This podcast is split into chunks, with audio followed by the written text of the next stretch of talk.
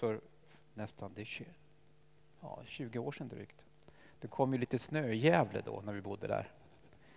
På söndag morgon så hade det kommit en meter. Det kom en halv meter till sen. Men eh, det var ju svårt att ha gudstjänst då naturligtvis. Så vi var väl några som ringde som skulle vara ansvar för gudstjänst till varandra och sa att det, det, det blir ingenting idag. Ingen kom fram. Men vi glömde kolla upp med en. Hon hette Katarina, hon var med i ett skolteam som vi hade och hon bodde tillsammans med de andra i en lägenhet och eh, det var väl kanske två, tre, fyra kilometer från kyrkan. Ganska liten tjej, 20-årsåldern. Hon gick en meter snö till kyrkan och satte sig där och spelade en stund och så gick hon hem. Det tycker jag är en fantastisk berättelse. Eh, hur många av oss skulle ha gjort det? Att vara så plikttrogen en söndag. Eh, jag har ju predikat om att vara församling i tid som denna eh, för två söndagar sedan och då ett kort resumé av den predikan då så tog jag upp om Paulus. Han skriver om att han hade förstått bredden, djupen, längden och höjden hos Kristi kärlek. Och det hade förvandlat honom som människa. Han var ju människa, står det i Apostlagärningarna, som andades modlust mot de kristna, men nu levde han ett liv i kärlek till sin nästa.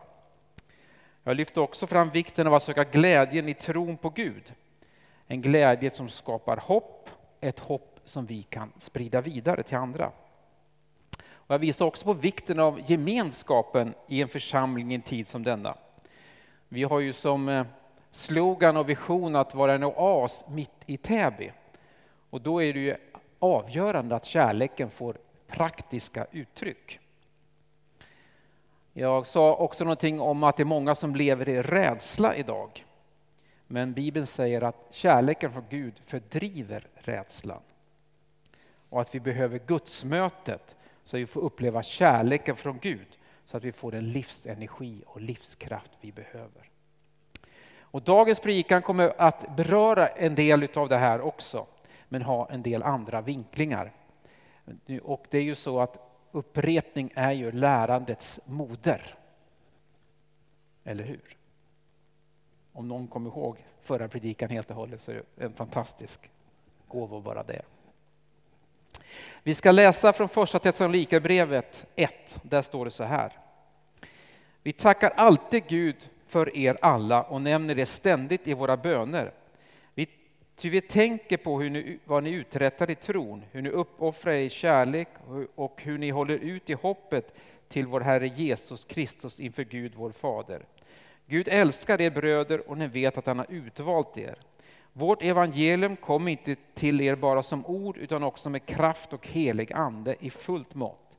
Ni vet ju vad, ni förmådde, ni vet ju vad vi förmådde göra bland er för er skull. Och när ni har tagit emot ordet följde ni vårt exempel och därmed Herrens eget under många lidande med den glädje som den helige Ande ger. Det samhälle som vi lever i, det erbjuder ju frihet och det erbjuder självbestämmande.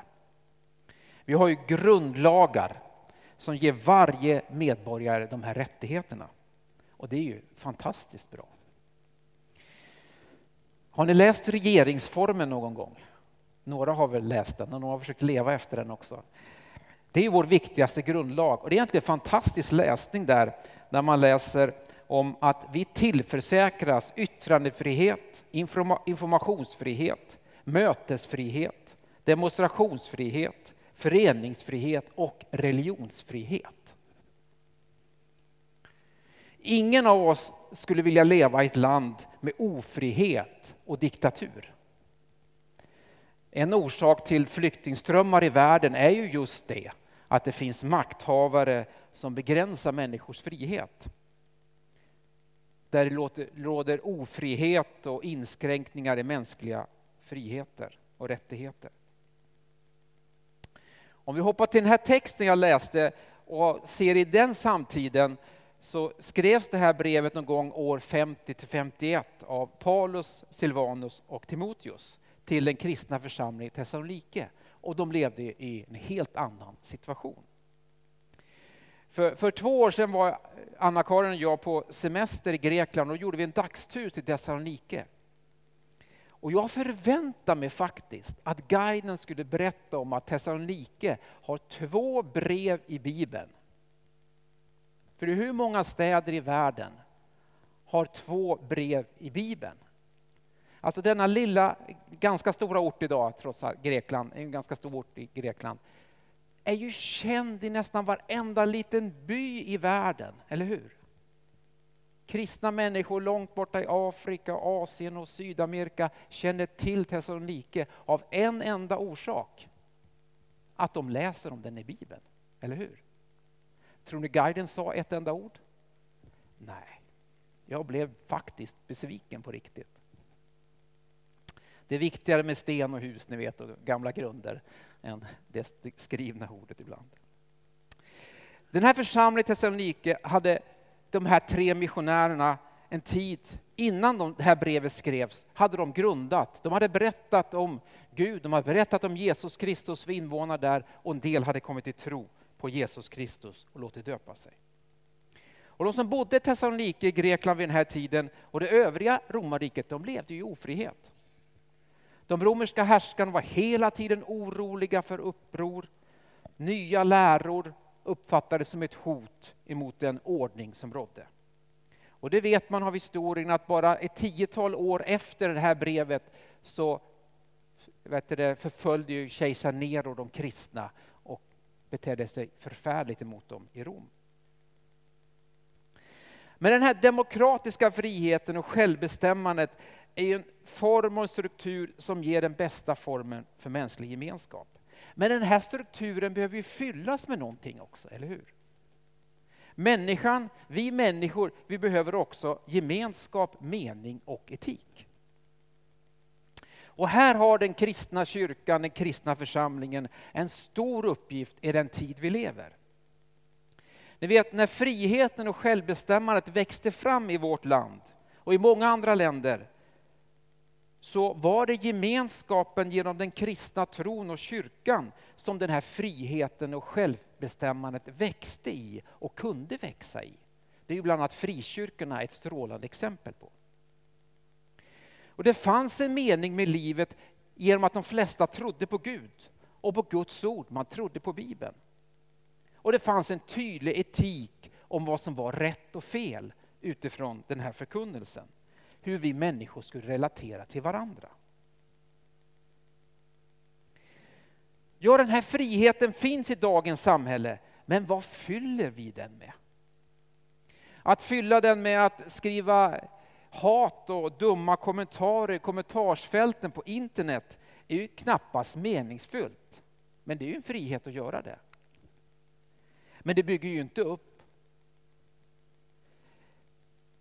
Utan man måste ändå se det som ett missbruk av friheten. För tänk om vi alla gjorde så. Om vi alla skulle ta oss den friheten att säga, skriva precis vad vi vill om varandra. Ni skulle se att det skulle snart urarta i ganska stora konflikter i samhället för övrigt. Friheten behöver fyllas med gemenskap, mening och etik. I första Korinthierbrevet 1 och 30 står det så här att genom honom finns ni i Kristus Jesus som har blivit vår vishet från Gud, vår rättfärdighet, vår helighet och vår frihet. Jesus Kristus är alltså vår frihet. Och det är den kristna kyrkans svar. Och det, är den, den, det svaret är vi som lokal församling delaktiga i skulle, läser vi vidare första Thessalonikerbrevet som vi läste från här, så skriver de här tre författarna att mottagarna av brevet hade vänt sig ifrån avgudarna till Gud för att tjäna den levande sanne guden. Friheten bestod i att vända sig bort från någonting som var dåligt till någonting som var mycket bättre, från avgudar till Gud. Idag uppfattar ju många människor det som frihet att inte tro på Gud överhuvudtaget. Och framförallt inte på att Jesus Kristus har kommit till världen för att rädda och frälsa den. Men här beskriver Paulus och säger att det här är den verkliga friheten. Att tro på Jesus Kristus och att vara beroende av Gud. Paulus kallat sig själv till och med för Kristi slav, Kristi tjänare. Paulus och hans två medarbetare de hade sett och förstått att alla dessa avgudar som fanns i romarriket gav inte människor frihet, gav inte människor frid. Tvärtom så gav de ofrihet och oro. Dessa påhittade avgudar och påhittade gudasagor tog ju fram det sämsta hos människan och nästan först och förstärkte det ofta. För bland annat ledde det till att i romarriket så rådde den starkes rätt. Det var oerhört stor skillnad på den romerske medborgaren och på slaven. Men vad skriver då Paulus om friheten i Kristus i Galaterbrevet 3? Jo, alla är ni nämligen genom tron Guds söner i Kristus Jesus. Ni är döpta in i Kristus, har ni också iklätt i Kristus. Nu är ingen längre jude eller grek, slav eller fri, man eller kvinna. Alla är ni ett i Kristus Jesus. I samhället var de inte ett i Thessalonike. Där var det vi och dem.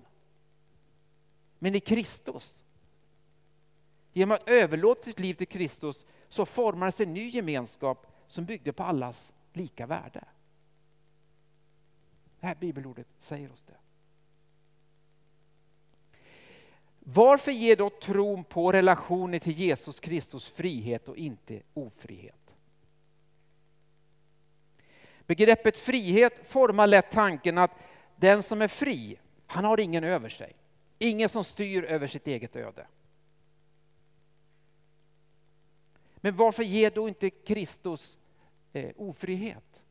Ja, det enkla svaret är ju att vi är skapade av Gud för relation med Gud. Och i relationen med honom genom Jesus Kristus får vi livskraft, livsenergi, frid och kärlek som vi behöver för att kunna leva i relation till andra människor. Låt mig ta ett exempel från Bibeln. När Israels folk var slavar i Egypten så blev de fria genom Guds kraft och Mose ledarskap. Vad hände sen? Vad gjorde de sen när de var fria? Det första de gör det är att fira gudstjänst i sina i öknen och bekänna sig till Gud. Och sen tar de emot Guds lag, Guds bud, levnadsregler. Frihet är alltså inte oberoende, utan det är möjlighet att få leva ett liv format av sanning och rättvisa. Och här visar de att gudstjänsten och viljan att följa Guds vilja ger ett sådant liv. Så när vi firar gudstjänst är det inte för att vi är bundna och ofria och nedtryckta utav Gud, utan därför vi har funnit friheten i Kristus Jesus. Så man kan se gudstjänsten som en frihetsmanifestation. Där vi får lämna våra bördor och istället få frid från Kristus Jesus. Som det står i Filipperbrevet 4.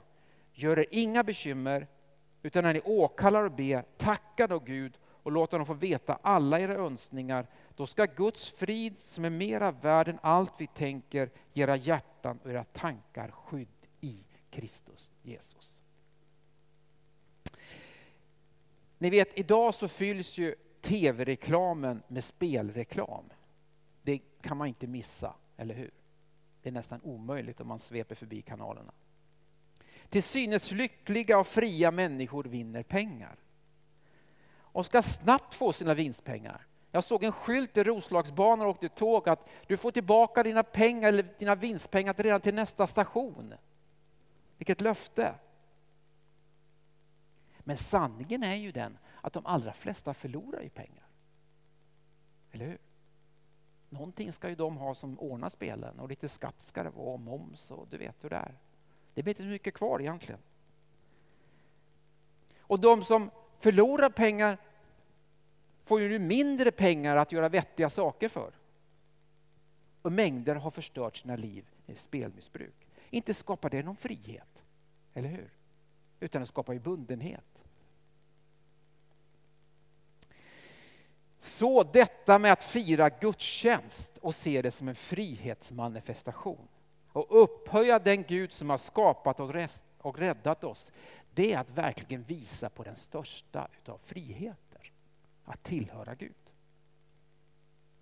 Och jag tror att vi ska behöva glädja oss åt och se detta, att fira gudstjänst som just den stora friheten. Och det är därför vi som den här kyrkan och många, många andra kyrkor lägger ner stora resurser på att fira gudstjänster. Vi formar och bygger gudstjänstrum. Vi skapar musik och sång till Guds ära som vi sen framför. Vi, vi läser Guds ord, lägger ut det. Vi delar livet med varandra över kaffeborden i samband med gudstjänst, vi firar nattvard och så vidare. Vi lägger ner detta därför att det är så viktigt. Det är det första man gör när man blir fri, det är att man firar gudstjänst. Därför att friheten från Gud fyller oss med och ger oss gemenskap, mening och etik. Ni vet, frihet utan gemenskap blir snart ofrihet. Det finns ett exempel från kyrkohistorien att eh, efter några århundraden efter Jesu födelse så formas idéer i den kristna församlingen att man skulle ge sig ut i öknen och flytta in i en grotta och umgås ensam med Gud. Och att umgås ensam med Gud under kortare tider är en fantastisk möjlighet. Gör det om du har tid och möjlighet. Men det blir ju lite jobbigt om det blir hela livet, eller hur? Och så blev det också med den här rörelsen. Så småningom så kom klostren till. Där de människor som ville satsa all sin tid för att vara med Gud flyttade tillsammans och hade gemenskap med varandra. Och den enkla anledningen är att vi människor är skapade för gemenskap, att relatera med andra. Ni vet, bland de mest underbara upplevelser man kan ha, det är att se ett litet barn i ögonen och få kontakt. Eller hur? Om man sitter på ett tunnelbanetåg eller Roslagsbanan och så kommer ett litet barn och tittar på en, eller hur? Man fastnar ju där direkt. När man känner att någon relaterar till en. Och ni vet, utan den här nära kontakten mellan ett barn och dess föräldrar så utvecklas ju inte ett barn normalt. Det är oerhört viktigt med gemenskapen. Hur fria vi människor än vill vara så behöver vi gemenskap för att växa och utvecklas. Och att behoven av att se varandra och lyssna på varandra försvinner inte, för vi blir vuxna. Vi har hela tiden behov av att relatera till andra. Och i en tid som denna får vi som lokal kyrka och församling vara med och bygga gemenskaper utifrån vår gemensamma tro på Jesus Kristus i söndagsskolan, i gudstjänster, vid fikaborden, sångövningar, bönegemenskaper, bibelstudier, hemgrupper, samtalsgrupper, församlingsmöten, styrelsemöten, församlingsliga möten, rådsmöten och städgrupper. tror jag fick med allt. I alla dessa möten och gemenskaper förlorar vi något av vårt oberoende eftersom vi måste ju anpassa oss till andra, eller hur? Hela tiden. Men vi vinner en större frihet än den vi finner som ensamma. För vi har ett större gemensamt mål och vision.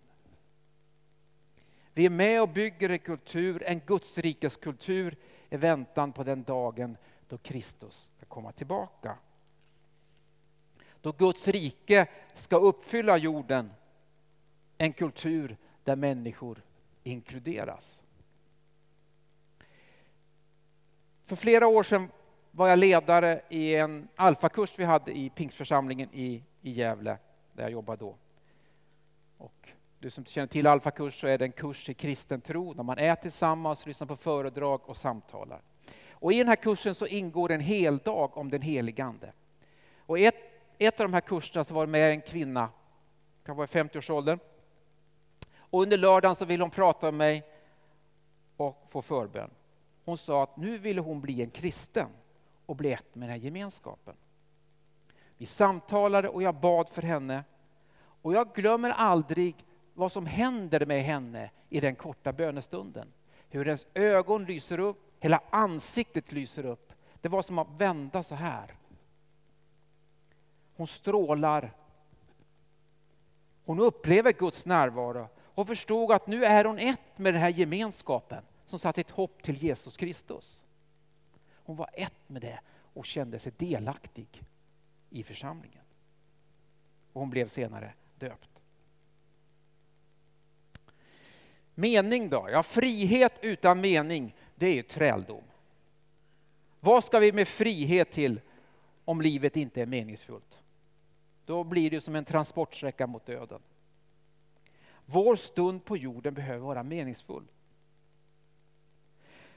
Paulus och Silvanus och Timoteus som skrev det här brevet till Thessalonikerna, de upplevde en stor mening i sina liv. För de gav ju allt för att sprida kunskapen och tron om Jesus Kristus. Och många är ju det som har uttryckt att livet fick en ny mening då de kom till tro på Jesus Kristus. Det finns en gammal berättelse om en missbrukare, det kan vara en skröna, men sannolikt så finns det en sanning i den. Som kom till tro på Jesus Kristus genom den dåvarande LP-stiftelsen, det som heter LP-verksamheten idag, som arbetar med människor som har missbruksproblem på kristen grund. Han berättar om sin frihet och livsmening på en gudstjänst i en pingstkyrka. Och då sa han så här, förr var det vin, kvinnor och sång. Nu är det saft, systrar och segertoner. En ny frihet, eller hur? Han uttryckte det så väl. Han har gått därifrån till det. Ni vet, den största meningen vi får i våra liv, där vi, då vi gör någonting för, för vår nästa. Jesus säger att det är saligare att ge än att få. Och det är ju själva grundfundamentet i kristen tro, att vara generös och givande. Och det förkroppslar vi gemensamt genom att vi tillsammans är församling och kyrka.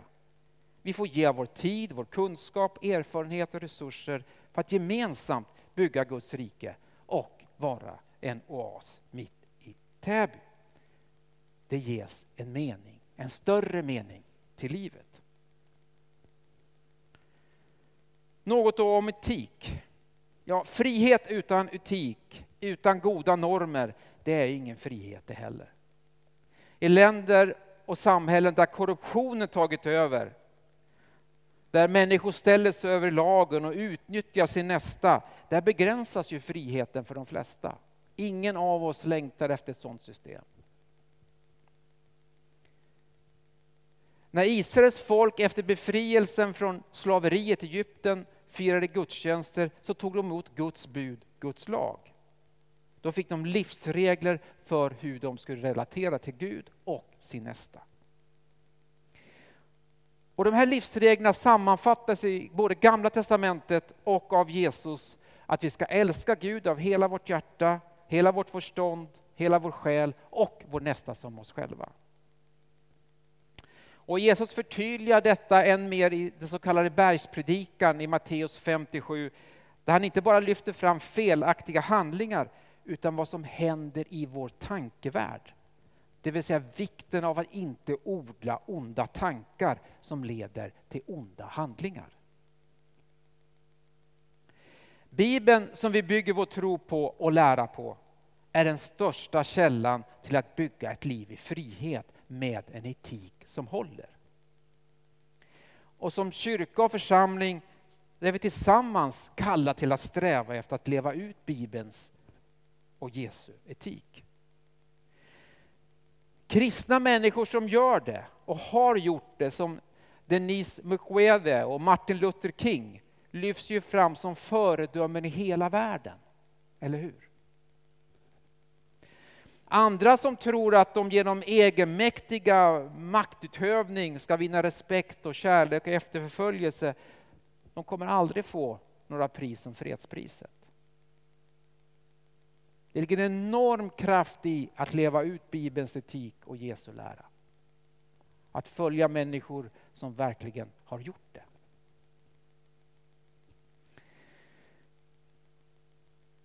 Att leva i frihet är stort och rätt, men ännu större och ännu mer rätt det är att leva i gemenskap, mening och etik som Kristus ger. Så låt oss fortsätta att odla gemenskap med Gud genom Jesus Kristus och varandra. Låt oss med glädje lyfta fram den livsmening det finns i att ha en tro på Gud och Jesus Kristus. Att vi har funnit frälsning genom honom. Och låt oss vara tacksamma för den etik och den sanning som Bibeln ger oss, som Jesus ger oss. Den vägledning och den glädje det finns i att vara utgivande och att inkludera andra. För Jesus Kristus, han är vår visdom från Gud, vår rättfärdighet, vår helighet och vår frihet. Amen. Tack Jesus för att du ger oss mening med livet, Herre. Tack för att du ger oss gemenskap och tack för att du ger oss en etik som håller, Herre. Och hjälp oss ta till oss detta, Herre, och att vi får känna den här glädjen varje gång vi firar gudstjänst över att vi får fira en frihetsmanifestation, Herre. Att vi tillhör dig, Herre, och är fria från våra synder. Du har tagit på dig vår skuld, Herre. Vi får kraften att leva ut i den värld som vi lever i idag, Herre. Jag tackar dig därför, i Jesu namn.